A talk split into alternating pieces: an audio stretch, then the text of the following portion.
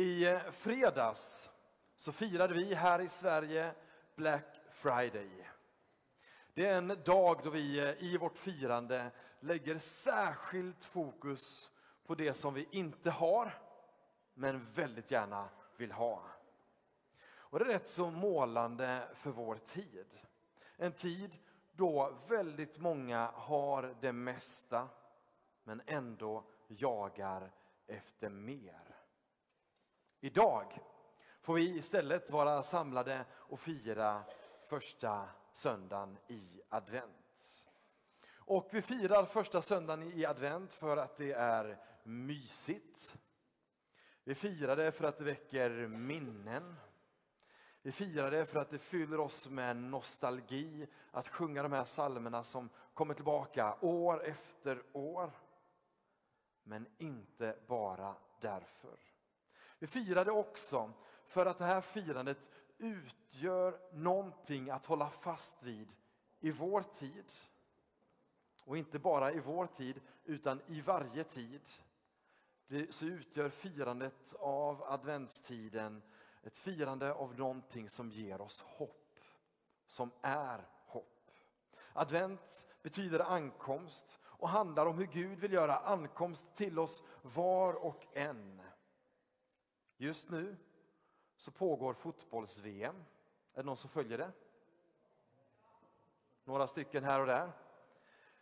Det är något särskilt när en matchhjälte går in på plan. Alla förväntar sig, nu kommer räddningen här. Och om vi då går till dagens evangelietext. När Jesus rider in i Jerusalem så ropar folket Hosianna. Ordet betyder hjälp. Men inte hjälp såsom bara ett desperat rop på hjälp och vi är körda. Nej, ordet Hosianna betyder hjälp i aspekten av att man nu ser att hjälpen är på väg.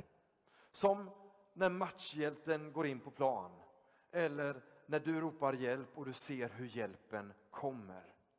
Så Hosianna-ropet är ett rop som också är en utbristning av förväntan och uppfyllelse. När de ser där Jesus rida in i Jerusalem som räddaren. Så när du och jag firar advent år efter år, då är det ett sätt att envist hålla fast vid detta faktum. Att vi ropar på hjälp för oss själva och för vår värld samtidigt som vi också ser hjälpen uppfyllas. Det är ett rop till Gud, men inte bara ett rop till Gud, utan också en proklamation att hjälpen är på väg och att hjälpen är här genom Jesus Kristus. För något år sedan så bokade jag massage. Jag var på massage igår och jag påminns om den här händelsen varje gång jag går på massage. För jag gick till den här massören för rätt så många år sedan nu. La mig där på massagebänken och han började knåda på min rygg. Så stannade han upp och sa Johannes, du behöver inte massage. Du är stel som en elefant. Och du är så stel att du behöver hjälp utifrån. Du kommer inte kunna klara att stretcha loss detta på egen hand. Och sen hoppade han över massagen och stretchade mig hela passet. Och när jag tänker på den här händelsen så tycker jag att det är, ja, jag vill ju faktiskt ha min massage, men i alla fall, jag tycker det är lite talande om hur han berättar där för mig, du behöver hjälp utifrån. Och det slog mig en insikt vid det tillfället. Och jag tror det är en insikt som du och jag också behöver göra. Vi behöver hjälp utifrån. Och när Jesus gör sin ankomst och sin entré så är det en illustration och en handling i precis detta. Han är hjälpen utifrån som du och jag behöver, som vår värld och vår tid behöver. Så precis därför så firar du och jag första advent. Och det är ett sätt att hålla fast vid detta. Och så är det så läckert när Jesus rider in där i Jerusalem. Det står att han rider in i folkmassan och att hela staden kom i rörelse. I den där folkmassan så fanns den där lyriske Jesus.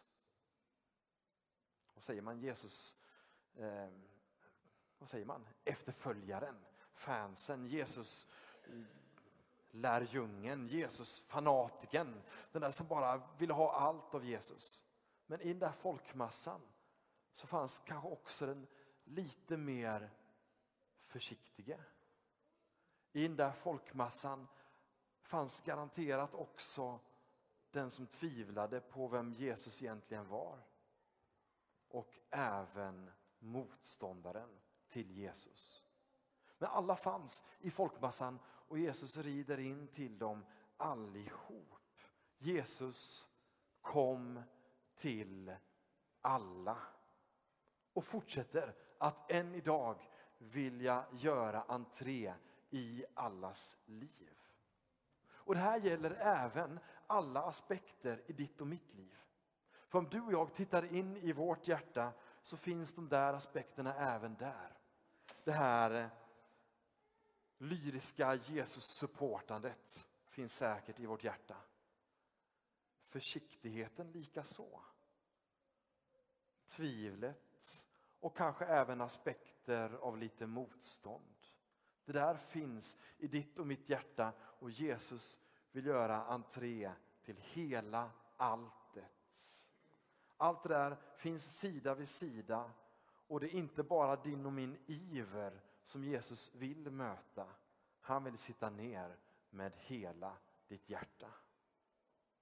För några år sedan hörde jag en berättelse om ett fartyg som hette Empress of Ireland.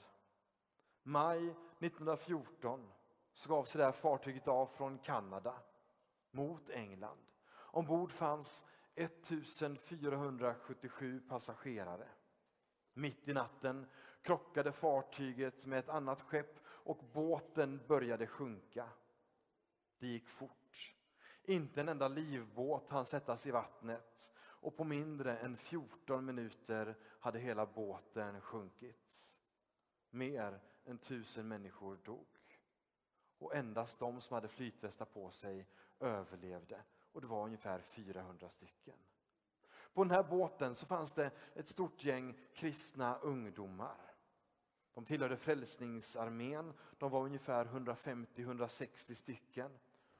Och de hade tur. Deras hytter låg precis jämte förrådet med alla flytvästar.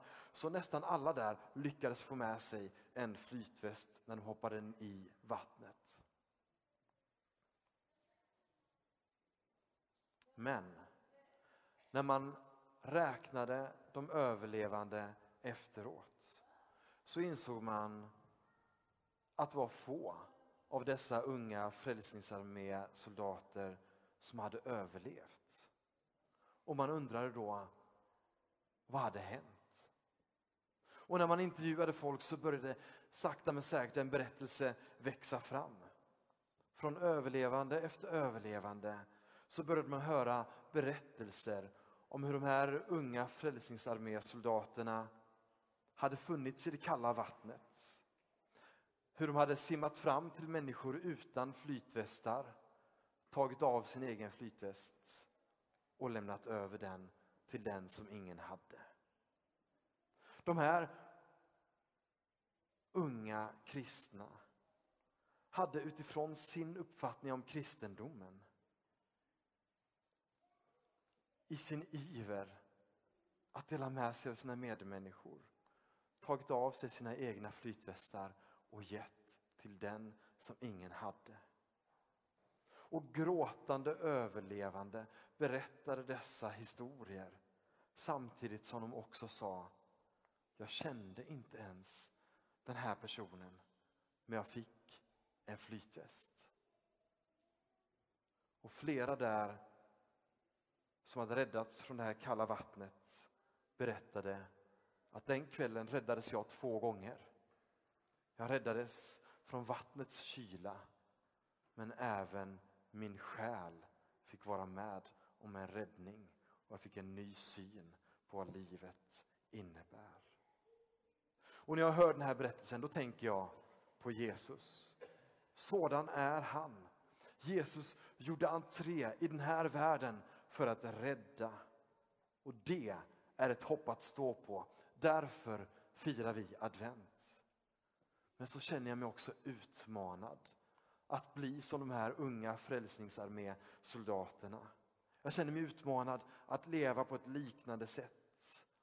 Att i adventstidens anda leva på ett sätt så att andra får liv och hopp. Det här hoppet får vi nu ta fasta vid när vi får ställa oss upp och stämma in i kyrkans trosbekännelse.